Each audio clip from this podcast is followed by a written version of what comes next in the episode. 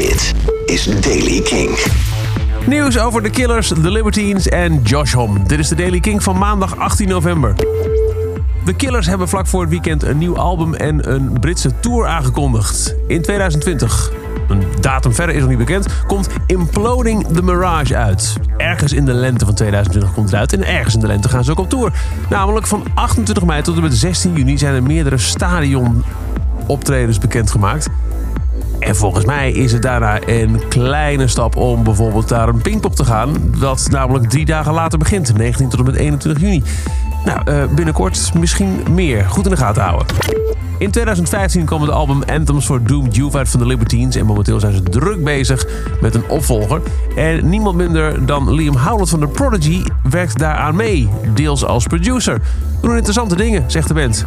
Een andere aanpak dan ooit tevoren. We gaan een studio binnen en we doen wat goed voelt in welke stijl dat ook is.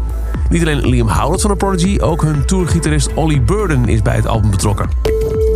En Josh Homme, de Queens of the Stone Age en Desert Sessions man, heeft een punt gezet achter zijn huwelijk met vrouw Brody Del Ham.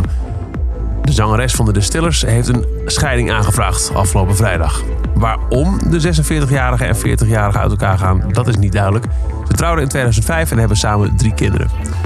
Zover de Daily Kink. Elke dag in een paar minuten het laatste muzieknieuws en waar aanwezig de interessantste releases. Niks missen, dan luister je de Daily Kink elke dag via de Kink-app. Die je kunt downloaden op kink.nl slash app. Via kink.nl, Spotify of waar je ook maar naar podcast luistert.